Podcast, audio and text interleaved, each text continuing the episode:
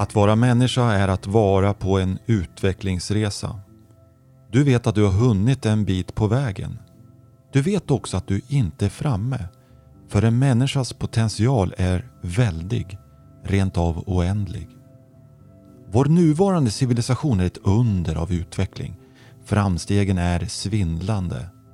Men denna civilisation är inte kronan på verket och historiens slut. För på samma sätt som vi har närmast oändlig potential som enskilda människor så har vi samma väldiga potential som gemensam mänsklighet. Samtidigt lever vi i en svårtolkad tid och du vet att det därför är lätt för oss alla att känna osäkerhet och förvirring. Rent av rädsla, ångest och hopplöshet. Men du vet också att detta är reaktioner som trots att de kan vara svåra att hantera mest skrapar på ytan. För i djupet av din mänskliga natur, i ditt hjärta, vet du att en ljus framtid är möjlig. Varmt välkommen till I fjärilens tid. I detta första avsnitt, Fjärilen kallar, samtalar jag, Fredrik Lidman och Karl-Erik Edris. Bland annat om vad tid är och hur orsaker från framtiden kan verka i nuet. Vi börjar också undersöka hur larvens metamorfos till puppa och sedan vidare till fjärilen kan ses som en metafor för stadier i både individuell utveckling och i det civilisationsskifte som vi anser att vi är mitt uppe i.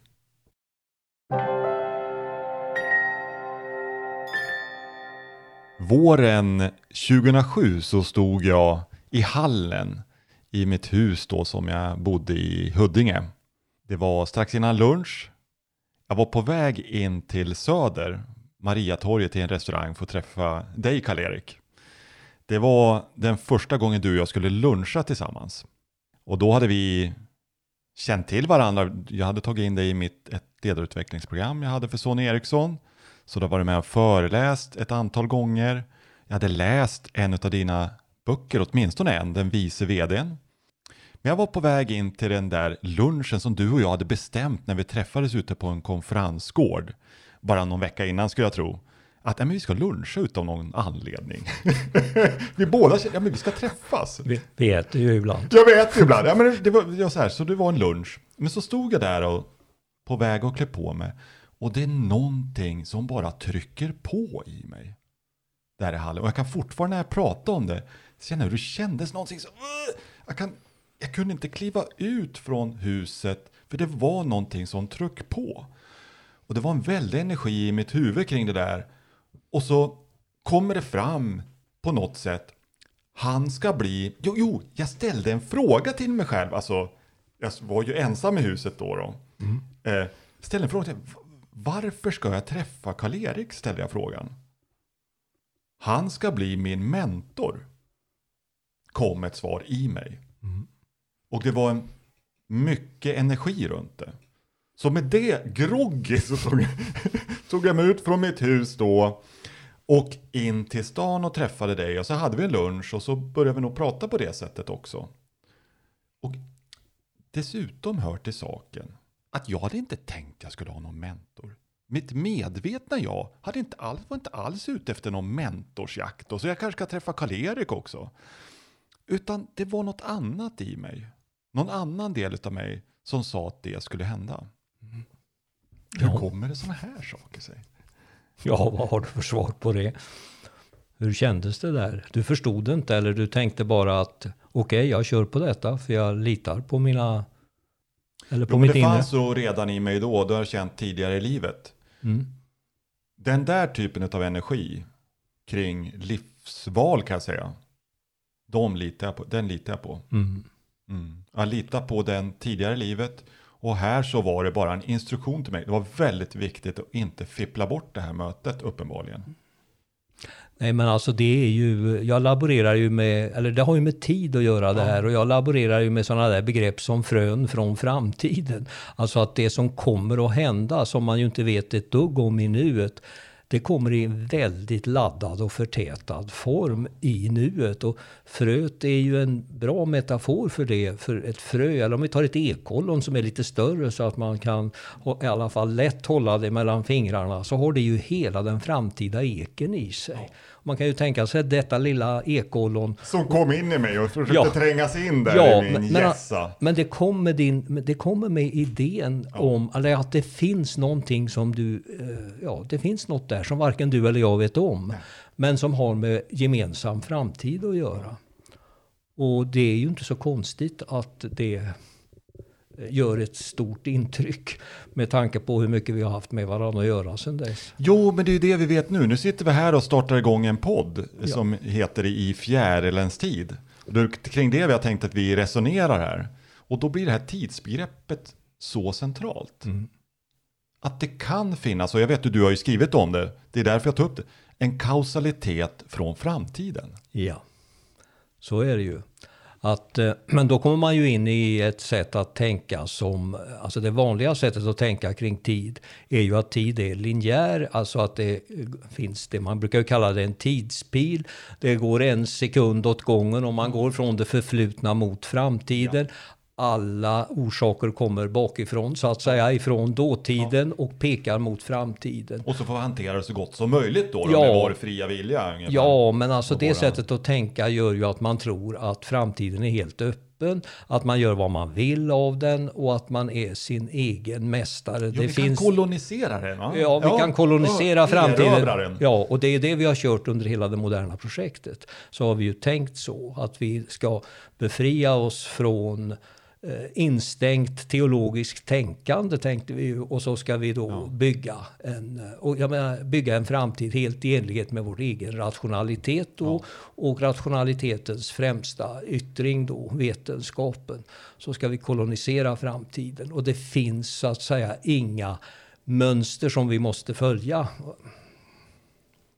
Just det. Just det. Och tänk om det är så då? Att det finns mönster som ja. vi måste följa.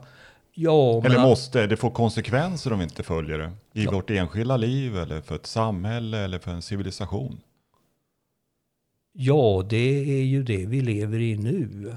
Alltså att eh, de... Eh, jag tänker väl ungefär så här att när den här nya idén kom som slog sönder det kristna normalsamhället så var ju det en befrielse. Ja. Folk, var ju, folk var ju instängda i, i eh, teologiska standardtankar och eh, levde ju i misär. Det var ja. ju okunnig, okunnighet. Tuktad, tuktade. Ja, tuktade. Och så kom den här härliga idén att vi behöver inte ha det på, här, på det här viset. Och vi slog sönder det. Fri. Vi ja, är vi är fria. Ja. Vi kan skapa den framtid vi vill. Ja, visst. Och så småningom så, ja man, man kan ju säga att det så småningom så stabiliserades ju ett sätt att förhålla sig till hur samhället och framtiden skulle skötas. Det skulle vara vetenskapen då som man utsåg eller utgick ifrån att den skulle kunna skapa eller frilägga oändlig kunskap. Gamle Galilei sa ju på sin tid att, eh, att eh, eh, vetenskapen kan skapa eller frilägga en kunskap som inte står Guds egen efter. Och det var ju en tid när föreställningen om Gud, det handlar ju om allvetenhet och allmakt. Ja. Så att vetenskapen är ju inte direkt då ett ödmjukt projekt, utan det är ju att ta på sig, eller kliva in i, eller ta på sig Guds tofflor. Ja, låt oss ta reda på vad Gud redan vet, ja. som inte vi vet ännu, ja.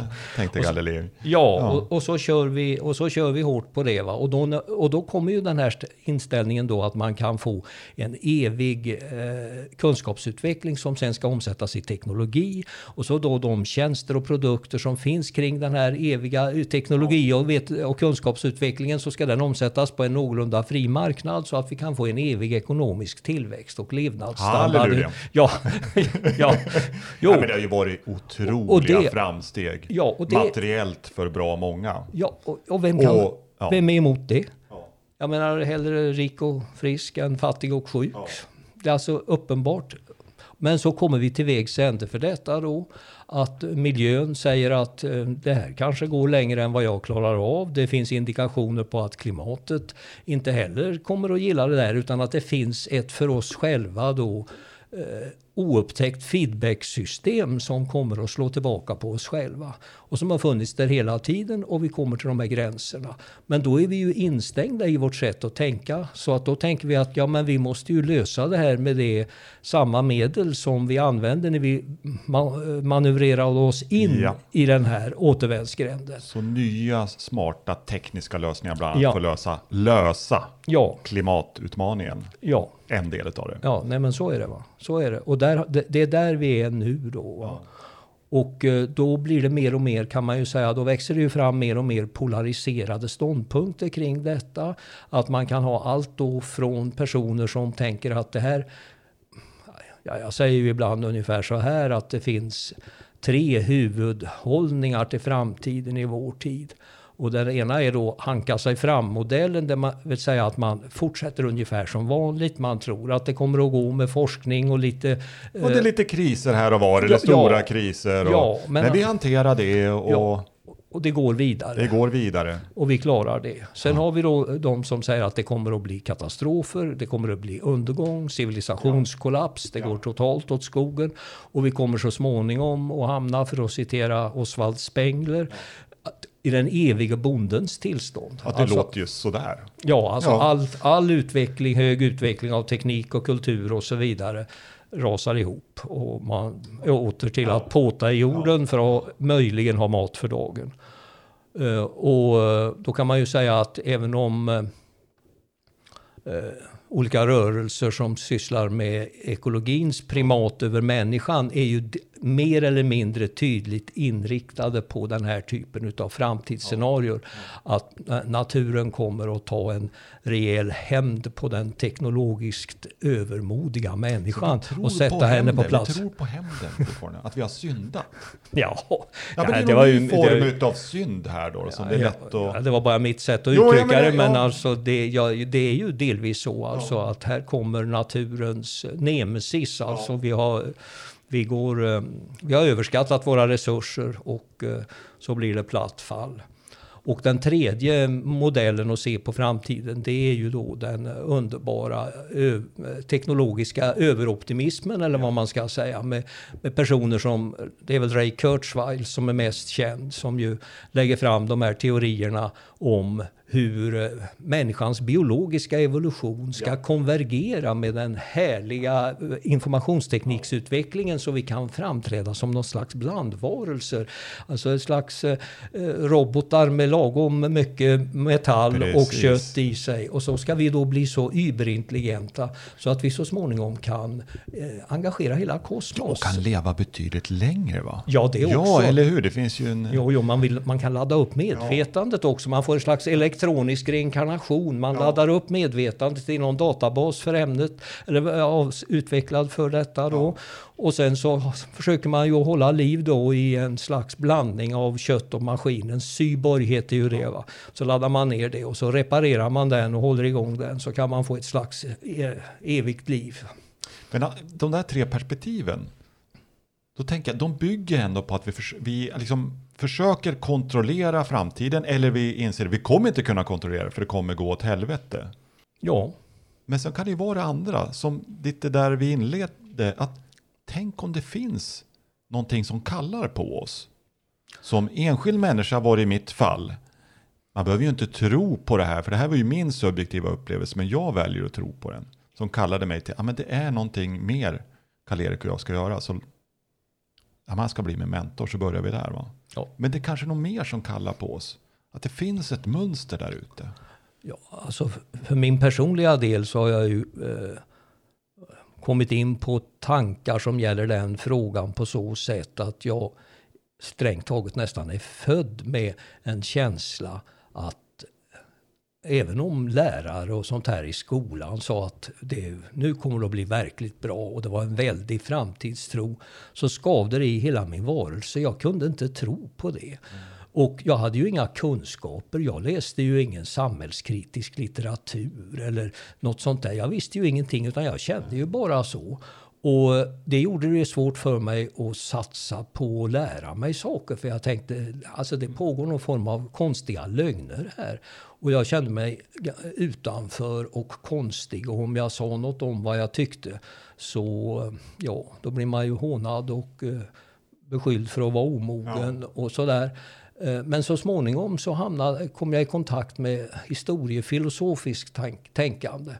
Och det, där diskuterar man ju då, studerar civilisationers uppgång och fall.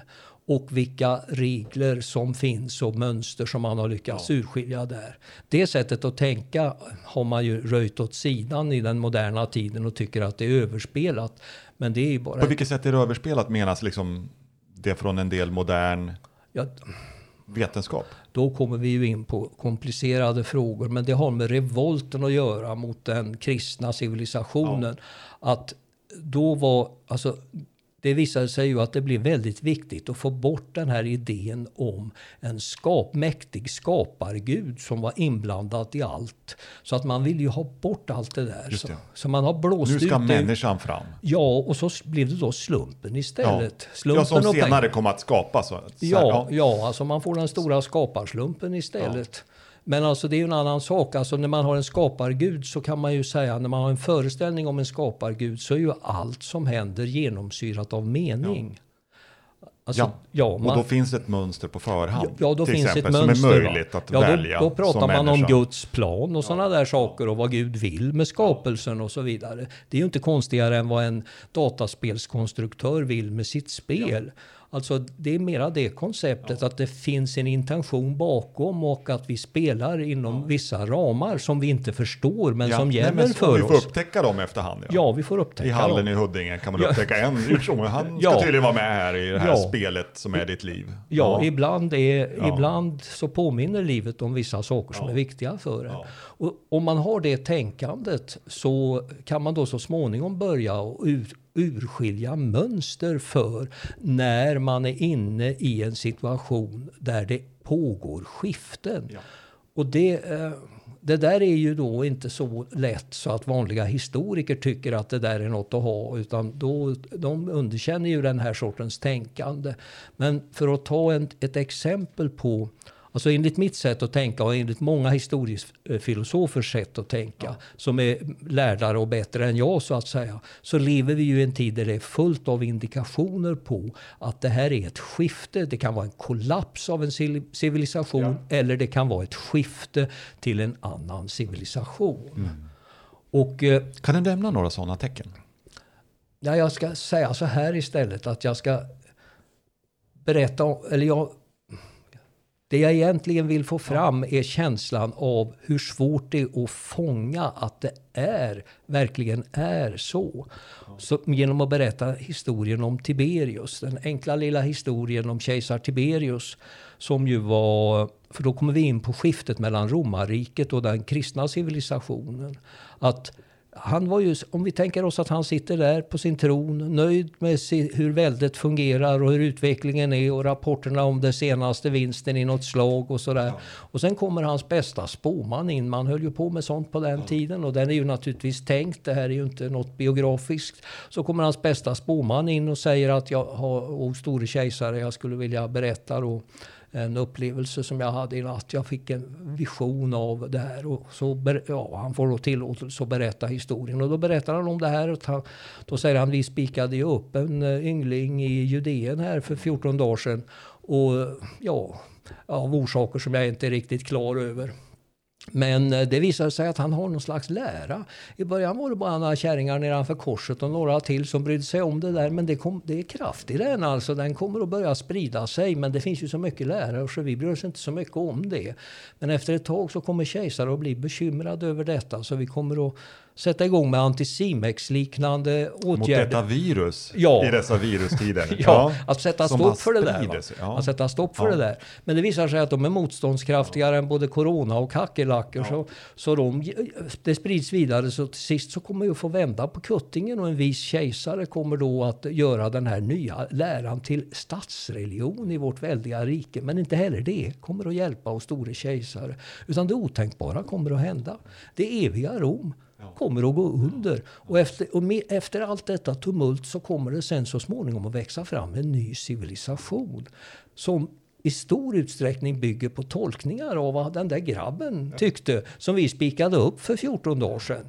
Och sen gör han ju då sitt katastrofala misstag. Ja. Han säger, hade det inte varit bättre att... Ja, just det. Och så, vi, vi borde ju ha bjudit in honom till Rom Ja. så hade vi kanske kunnat få lite synergieffekter så att det inte gick åt skogen. Medan Tiberius är säker på sin sak och tänker att ja, den där karln, han är ju bra ibland men Ja. så, alla En har ju, dålig dag. en dålig dag. Ja, en dålig dag. Vem som helst kan ju. Ja. Ja, eller om man är på lite sämre humör så tänker han det är lika bra att jag skickar honom till de sälla jaktmarkerna. eh, Så att han inte lular mig. Men alltså, det, vi vet ju att den här tänkte spåmannens historia var, det var så det blev. Det var så det blev. Och det där kan ju ha skett nu eller kan ske i framtiden. Ja. Någonting liknande som ingen uppmärksammar då, eller väldigt få va? Nej, nej, som man Och inte bara- förstår. För, Nej. för man ser inte helheten utan man ser en liten del. Ja. Man ser en liten del. Så att enligt mitt sätt att tänka och enligt många historiefilosofers sätt att tänka så pågår det sådana här processer nu. Man tolkar ju dem lite olika. För min egen del så tänker jag att det första tecknet på att det är ett skifte på gång, det var när det moderna projektet bröt fram. Just det. Då då slog det- 1700-1800-talet. Ja, ja, ja. 1600 och- 1600-talet med tank, ja, Ja. 1500-1600-talet med första Ja, tank. Ja. för det var, det var början alltså. För då började vi Mm. Renässansen och attackera.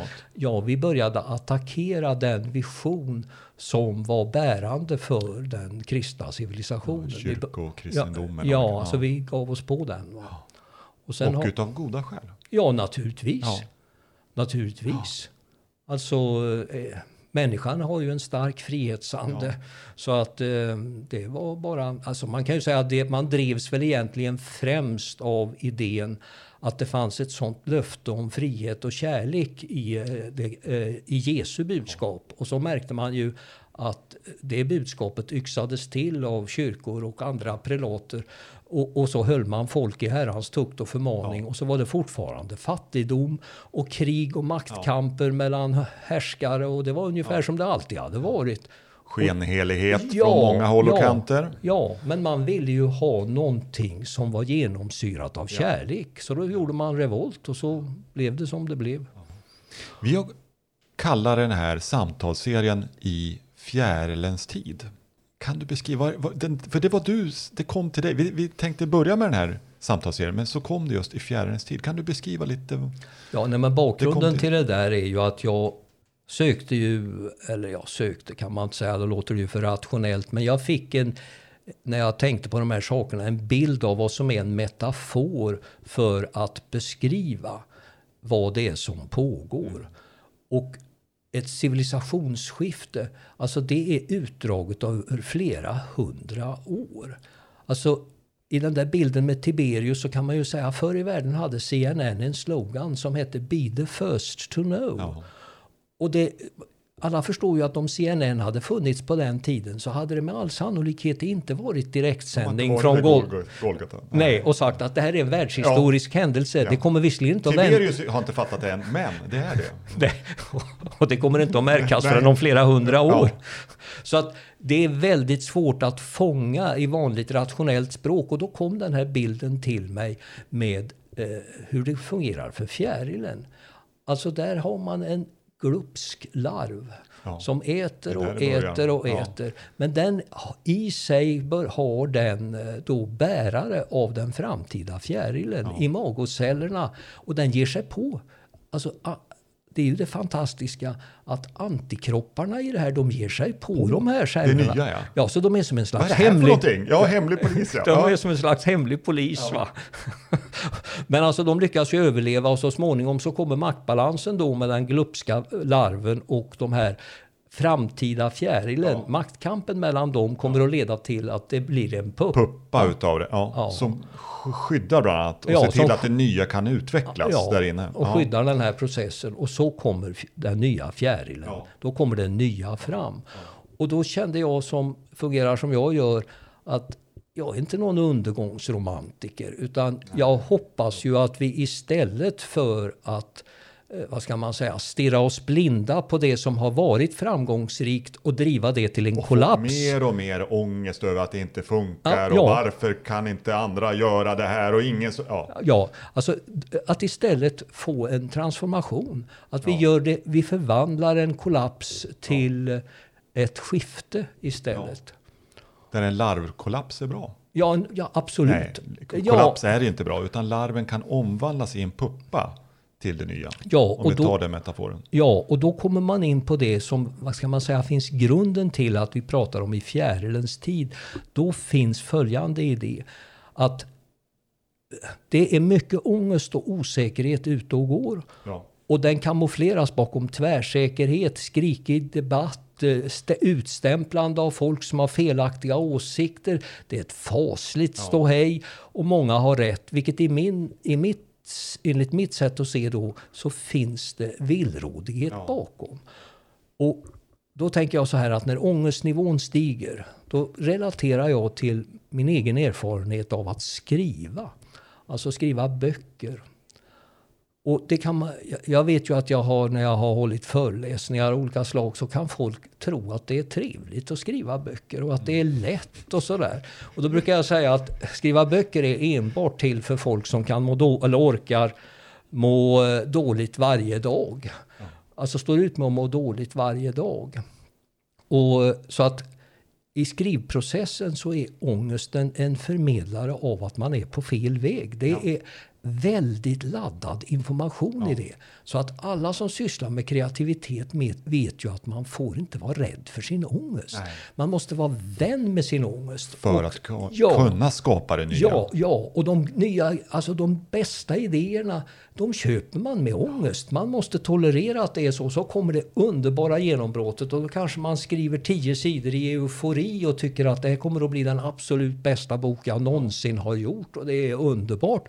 Och sen så blir det problem igen. Men just den här inställningen till ångest och hur den är kreativitetsbefrämjande, då känner jag så här, fullt av ångest och osäkerhet. Och då är det ett tecken på att det finns fantastiskt mycket idéer Ja. som kan omsättas i verkligheten.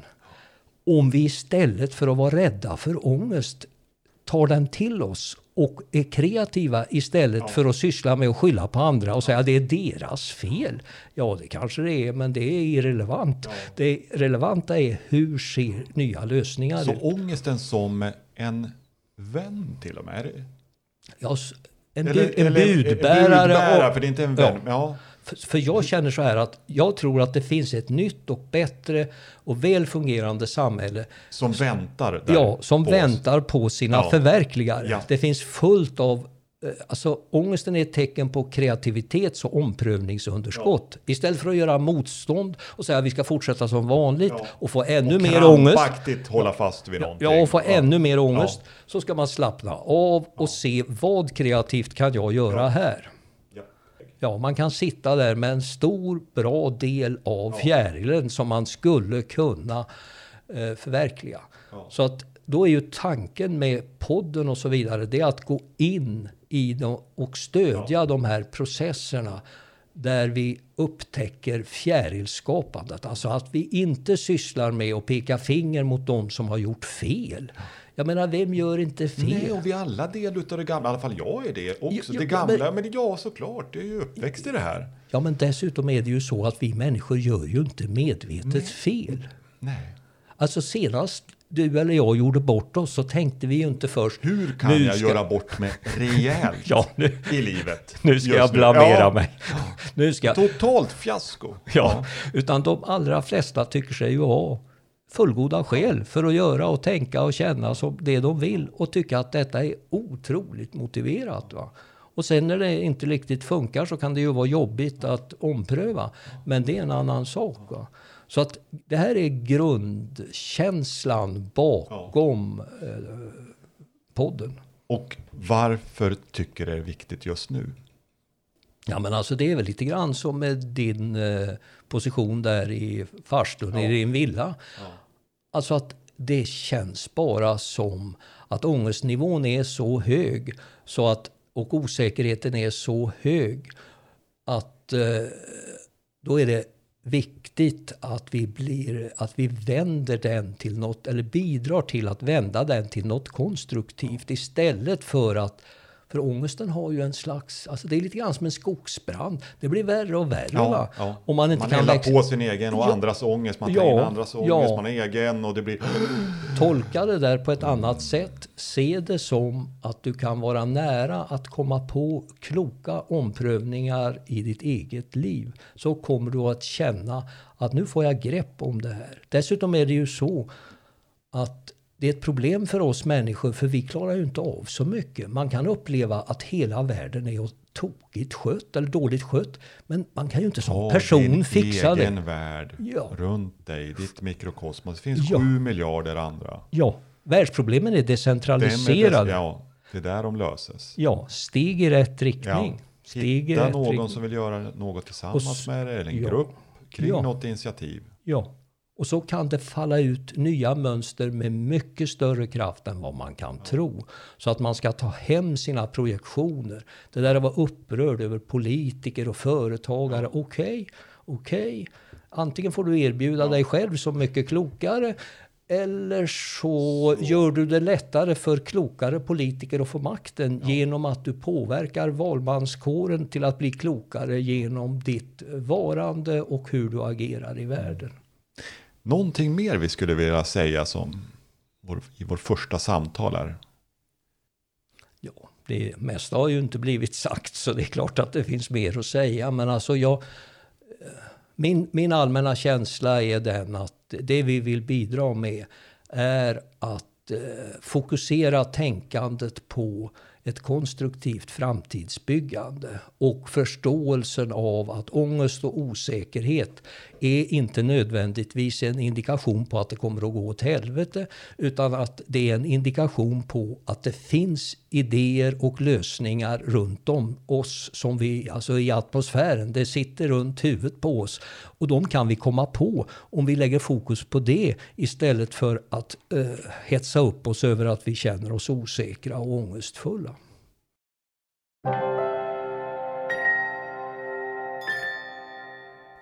Du har precis lyssnat på podden I fjärilens tid. Du finner mer information om oss under ifjarelenstid.se. Varmt välkommen tillbaka!